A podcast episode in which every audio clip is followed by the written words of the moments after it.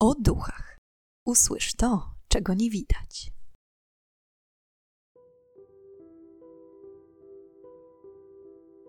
Witam i pytam, czego dusza pragnie.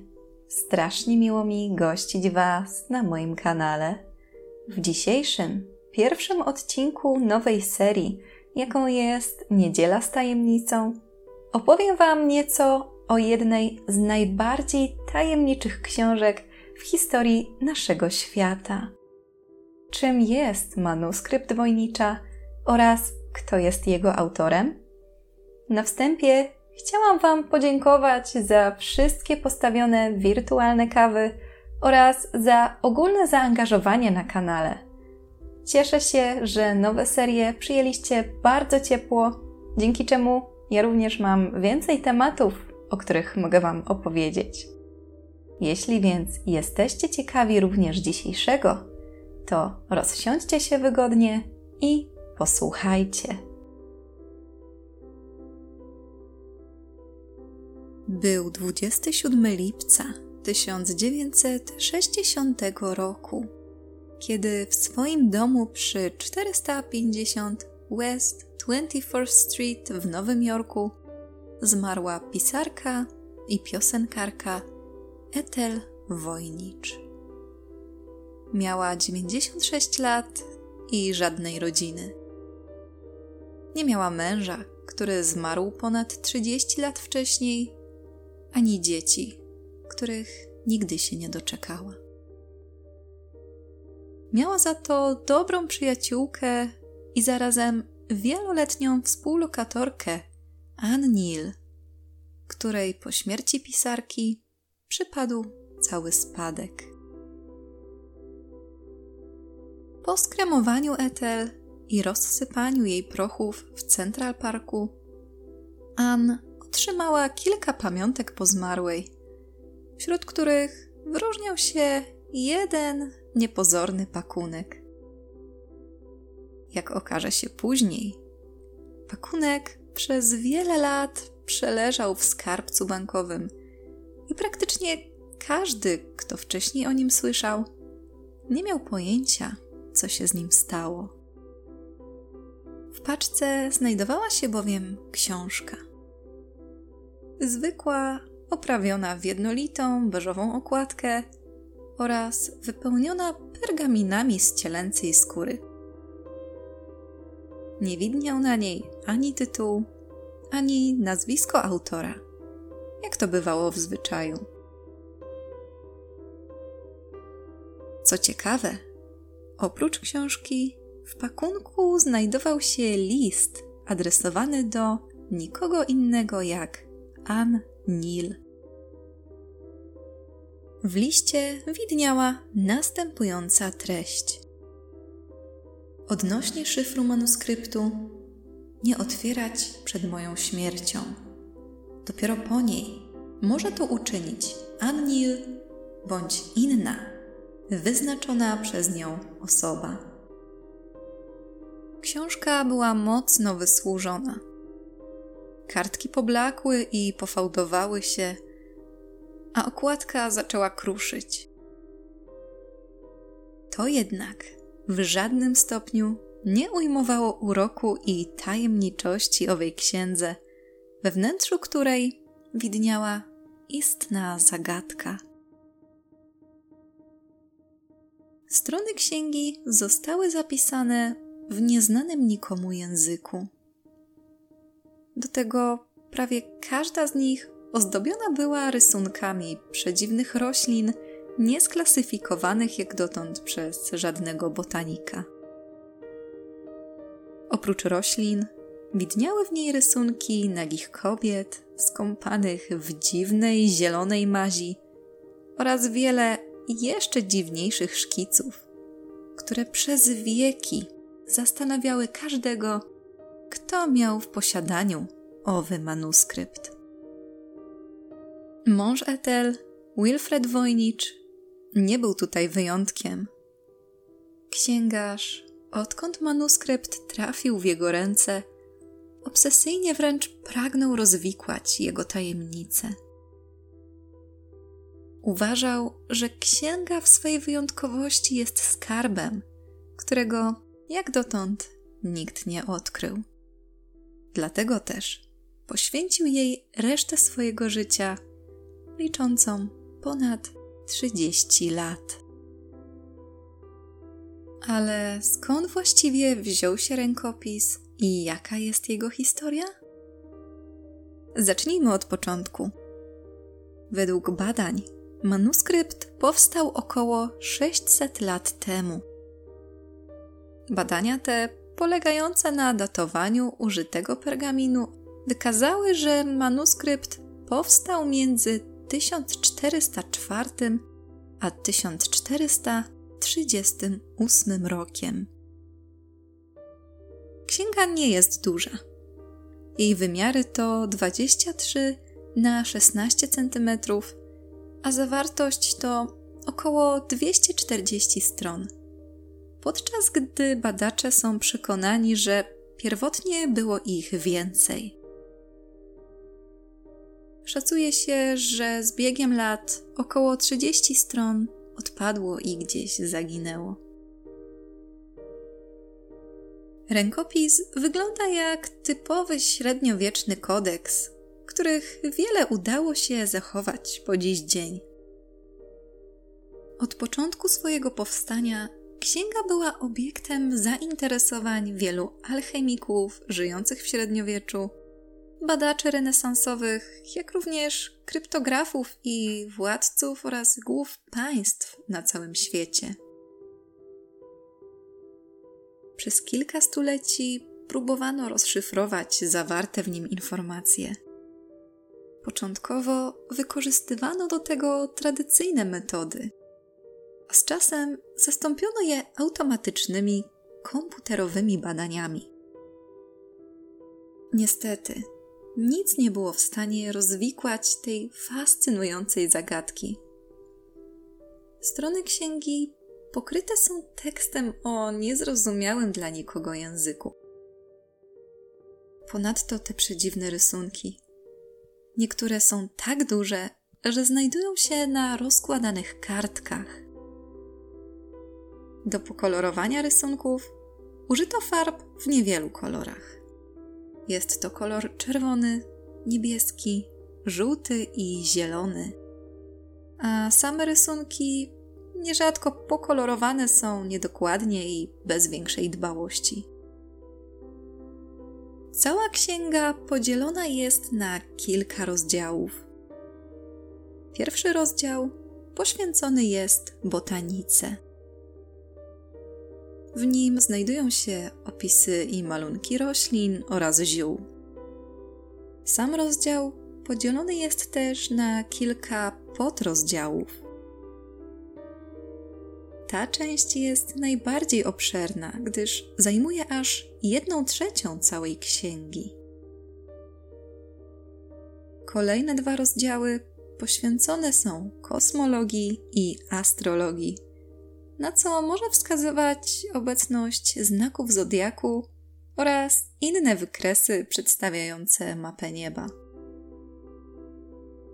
Jednak to czwarty rozdział księgi intryguje badaczy z całego świata.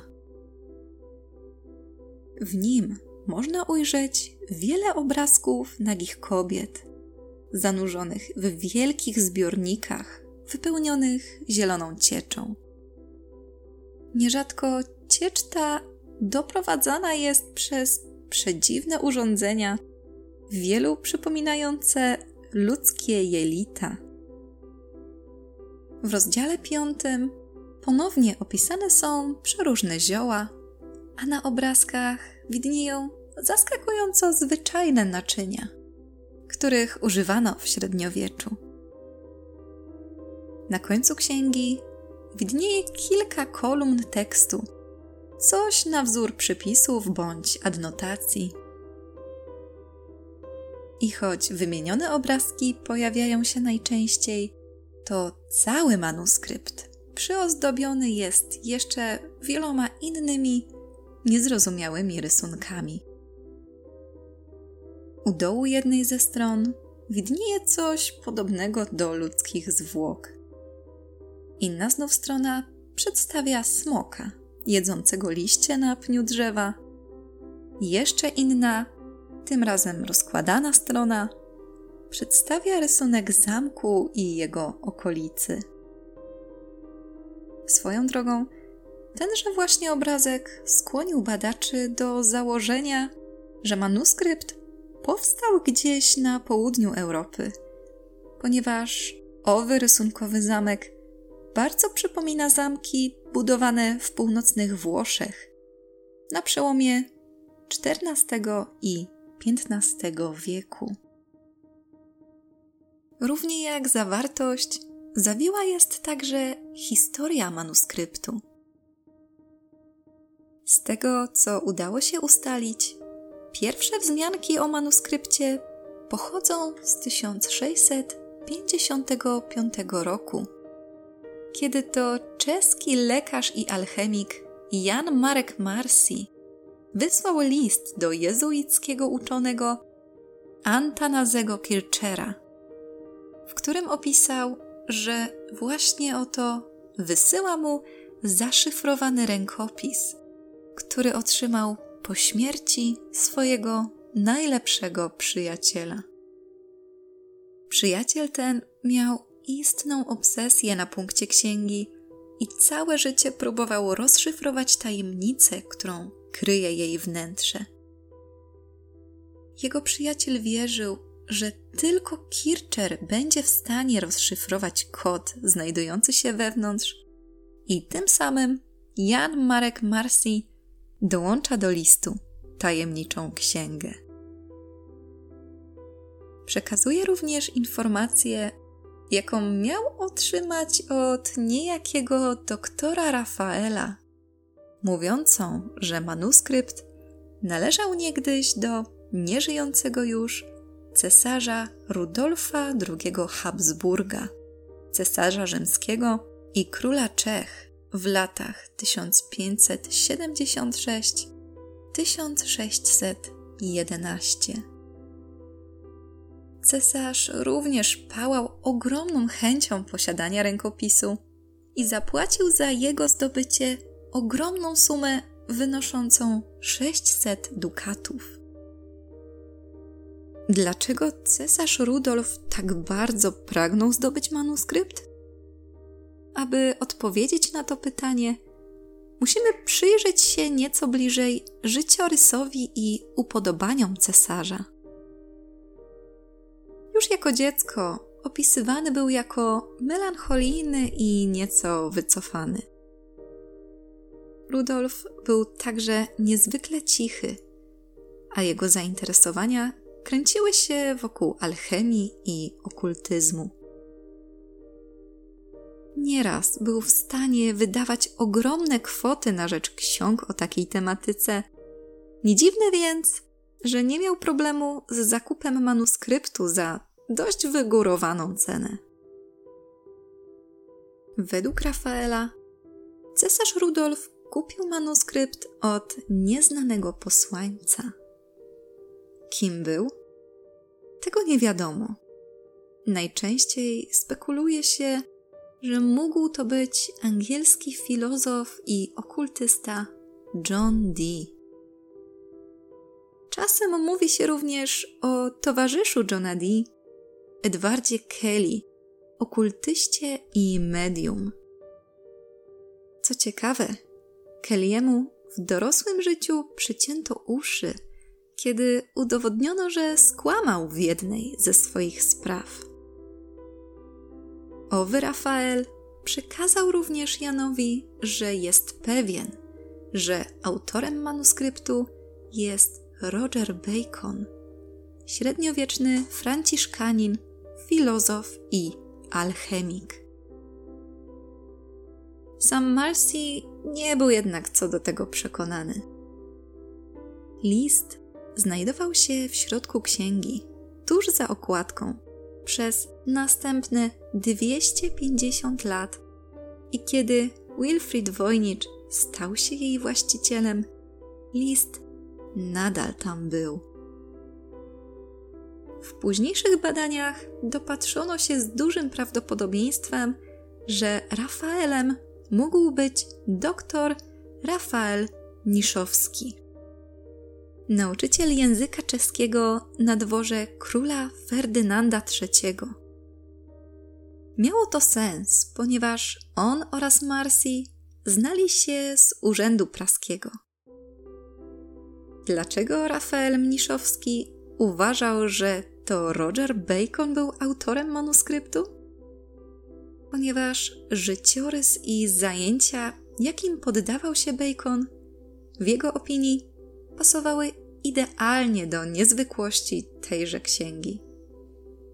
Bacon, choć początkowo znany jako przyrodnik i filozof, swoją karierę rozwinął w kierunku czarnej magii i wiedzy tajemnej. Miał również stworzyć przedziwną, gadającą głowę, która odpowiadała na wszystkie pytania świata.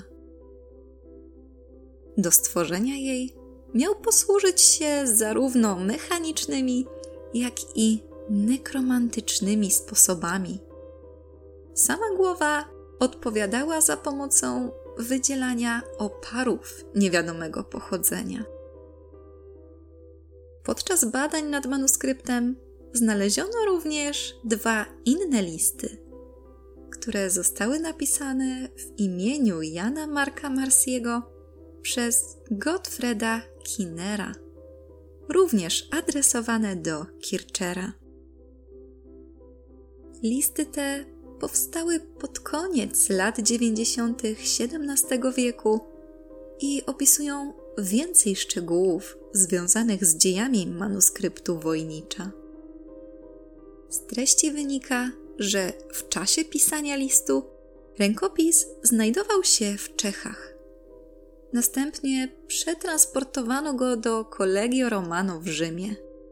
Tam Kircher, choć znany ze swojej niechęci do alchemii, podobnie jak poprzedni właściciele, badał księgę aż do swojej śmierci. Przy czym przebijają się też głosy, że w tamtym momencie Kircher był tak wybitnym badaczem, że manuskrypt nie zrobił na nim wrażenia i leżał nietknięty przez niego aż do jego śmierci w 1680 roku. Przez dekady ludzie zastanawiali się, kim był właściciel manuskryptu, który odsprzedał go cesarzowi za ogromną kwotę. Tego nie udało się ustalić.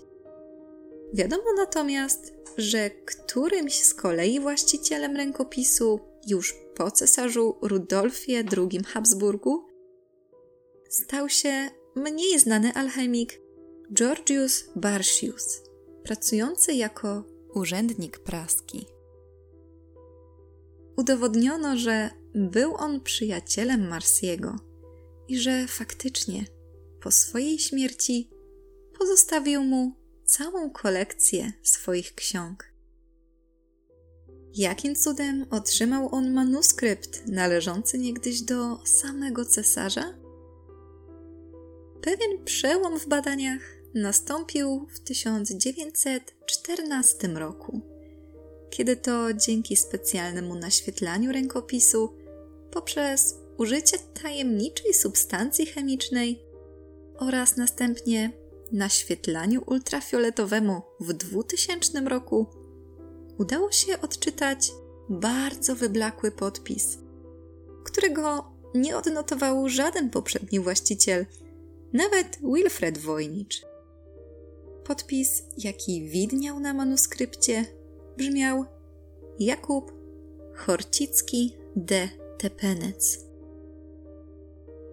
Był on alchemikiem i osobistym lekarzem cesarza Rudolfa II.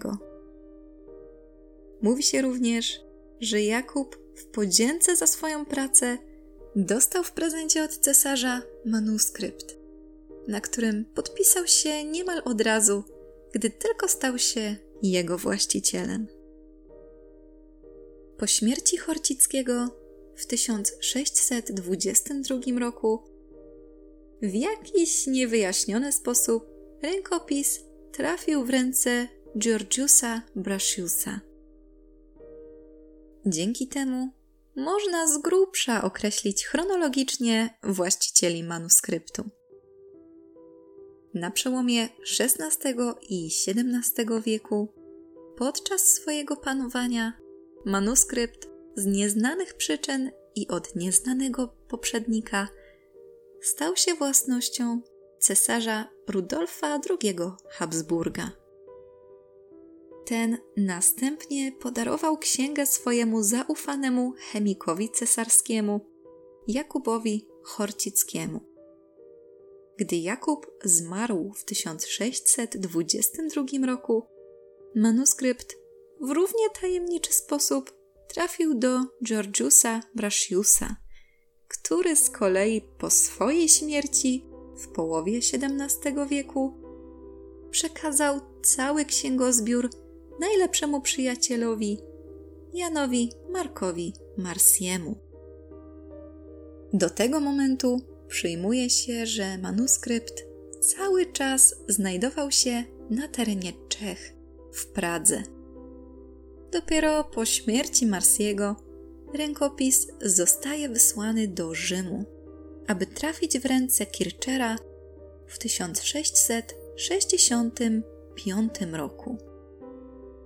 Tutaj znów znajduje się aż do śmierci naukowca w 1680 roku, po czym na kolejne 200 lat wieści o tym, gdzie znajdował się manuskrypt, są bardzo niejasne.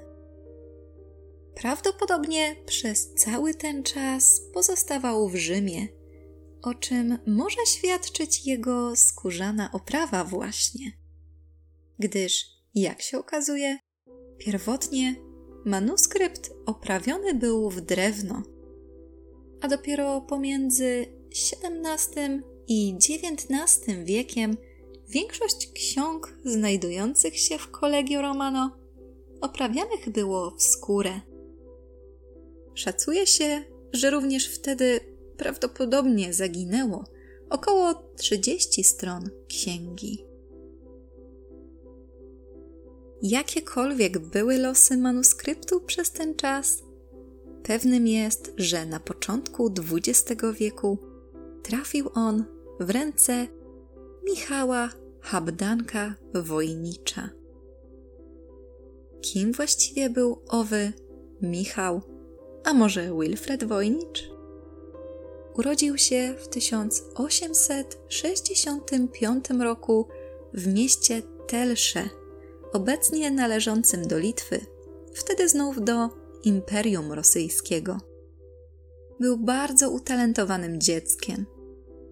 W młodości studiował prawo i chemię na wielu uniwersytetach, między innymi w Moskwie, Petersburgu i Warszawie. Podczas pobytu w stolicy naszego kraju zainteresował się również polskim ruchem nacjonalistycznym.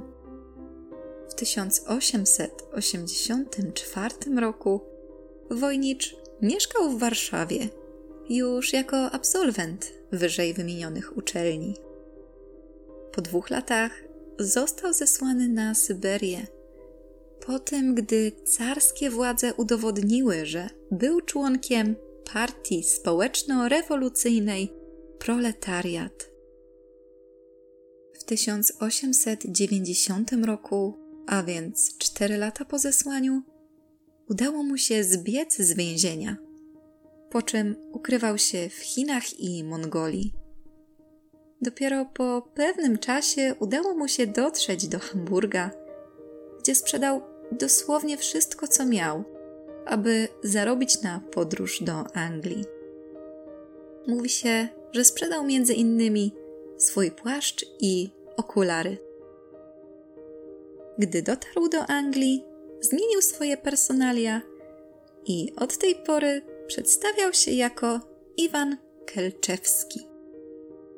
Zdobył wielu przyjaciół, w większości Polonii mieszkającej w Londynie. Zaprzyjaźnił się przede wszystkim z Sergiejem Krawczyńskim, znanym również jako Stępniak, który zaraził go miłością do książek i dziennikarstwa.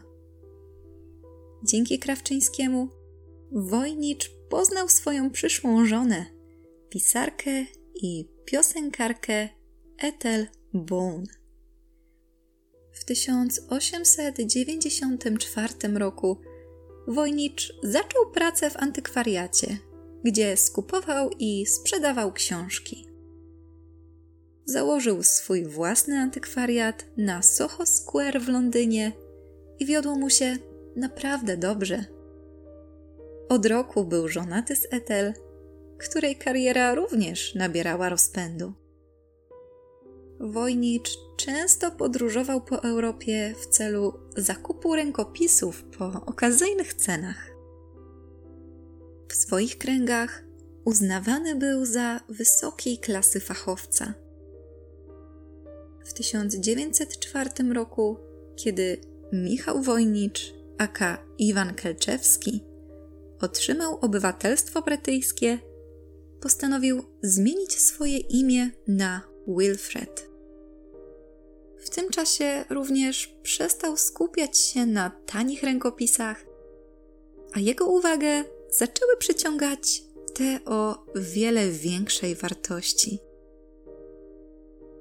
W ten sposób dowiedział się również o planowanej sprzedaży dużej części księgozbioru kolegi Romano w Rzymie. Co ciekawe, cała operacja była ściśle tajna, a negocjacje z pozostałymi chętnymi do zakupu trwały aż 9 lat. Po tym czasie udało mu się wynegocjować kilka ksiąg, w tym tajemniczy manuskrypt. Gdy Wojnicz zorientował się, że wśród ksiąg jedna wyróżnia się znacznie na tle pozostałych, jego fascynacja z każdym dniem przeradzała się w obsesję. Był przekonany, że jeśli uda mu się poznać zagadkę, jaka kryje się między stronami rękopisu, jego wartość wzrośnie do nieludzkich rozmiarów. Utwierdził go w tym również list Marsiego do Kirchera, który od ponad 200 lat leżał tuż za okładką. Wojnicz robił wszystko, aby o rękopisie dowiedział się cały świat. Był przekonany, że jego rozszyfrowanie pozwoli poznać nieznane dotąd tajemnice świata, o czym zresztą chętnie rozmawiał z dziennikarzami The New York Times. Po jednym z wywiadów Wojnicz wystawił rękopis na sprzedaż. Zażyczył sobie 100 tysięcy dolarów. I mimo szumu wokół księgi, nie znaleziono chętnego na zakup po tak wysokiej cenie. Po wybuchu I wojny światowej Wojnicz skupił swoją uwagę na rynku amerykańskim. Jeszcze w 1914 roku otworzył antykwariat w Nowym Jorku, gdzie również wiodło mu się całkiem dobrze. Po zakończeniu I wojny światowej, z racji ciągłych wyjazdów i kursowania wojnicza między Stanami a Europą, jego małżeństwo z Ethel znacznie ucierpiało. Wojnicz zatrudnił również w tym czasie swoją osobistą sekretarkę, Anne Neal, o której wspominałam na samym początku. Kiedy w latach dwudziestych ubiegłego wieku nastąpił wielki kryzys gospodarczy, interesy wojnicza zaczęły się psuć. Na domiar złego, jego stan zdrowia również pogarszał się z dnia na dzień. A biorąc pod uwagę fakt, że był on nałogowym palaczem, to nie ułatwiało sprawy. Do tego niedoleczona, powracająca co jakiś czas gruźlica, której nabawił się będąc na Syberii, sprawiły, że Wilfred Michał Wojnicz zmarł 19 marca 1930 roku w Nowym Jorku w wieku 64 lat. Przed śmiercią spisał testament, w którym dokładnie opisał, co należy zrobić z manuskryptem po jego śmierci. To dowodzi, że fascynacja tajemniczą księgą towarzyszyła mu do jego ostatnich dni.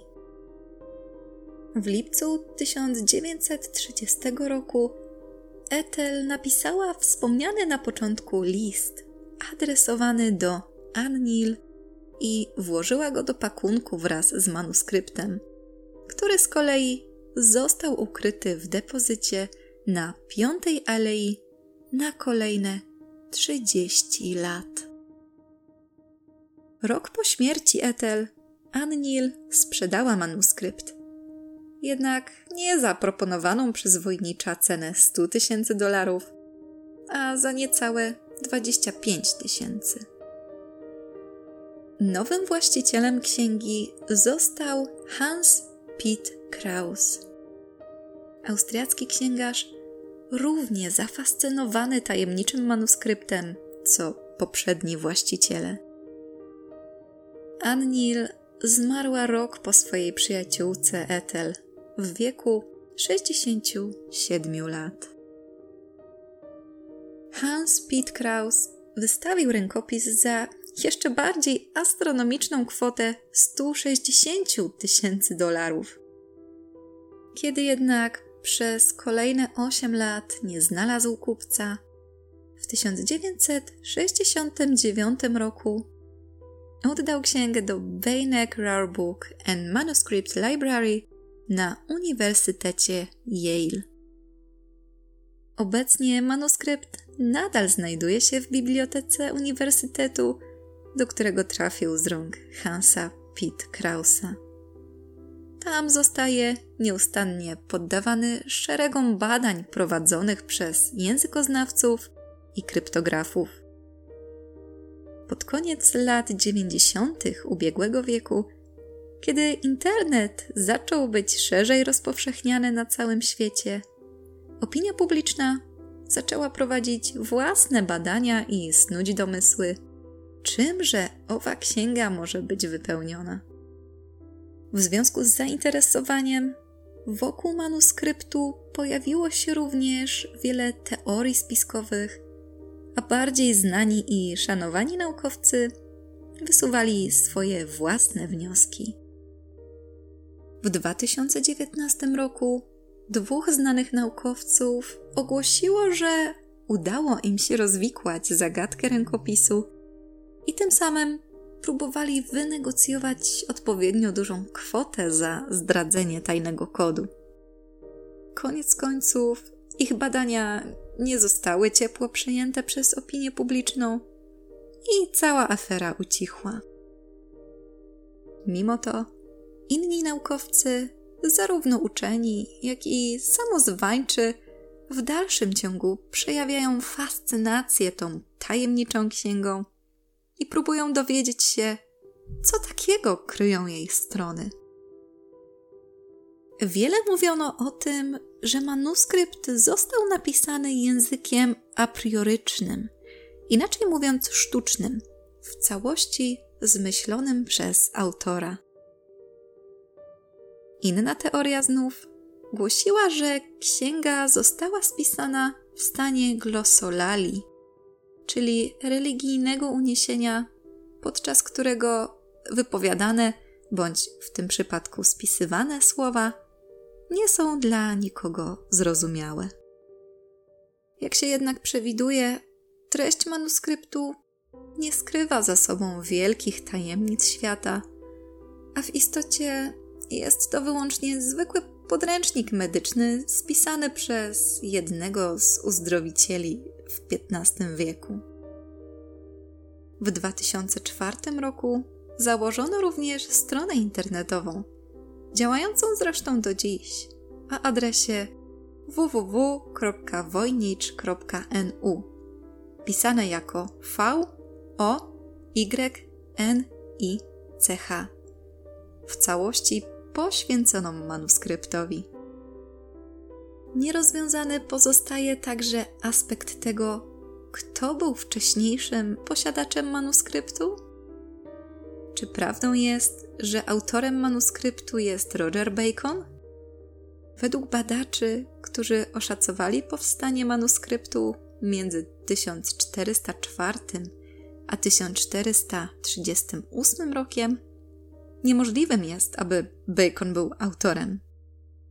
Ale kto w takim razie nim jest? Miejmy nadzieję, że kiedyś się tego dowiemy. I są to wszystkie informacje, jakie na dzisiaj dla Was przygotowałam. Jestem ciekawa, co sądzicie o manuskrypcie Wojnicza i czy macie może jakieś swoje własne teorie na jego temat?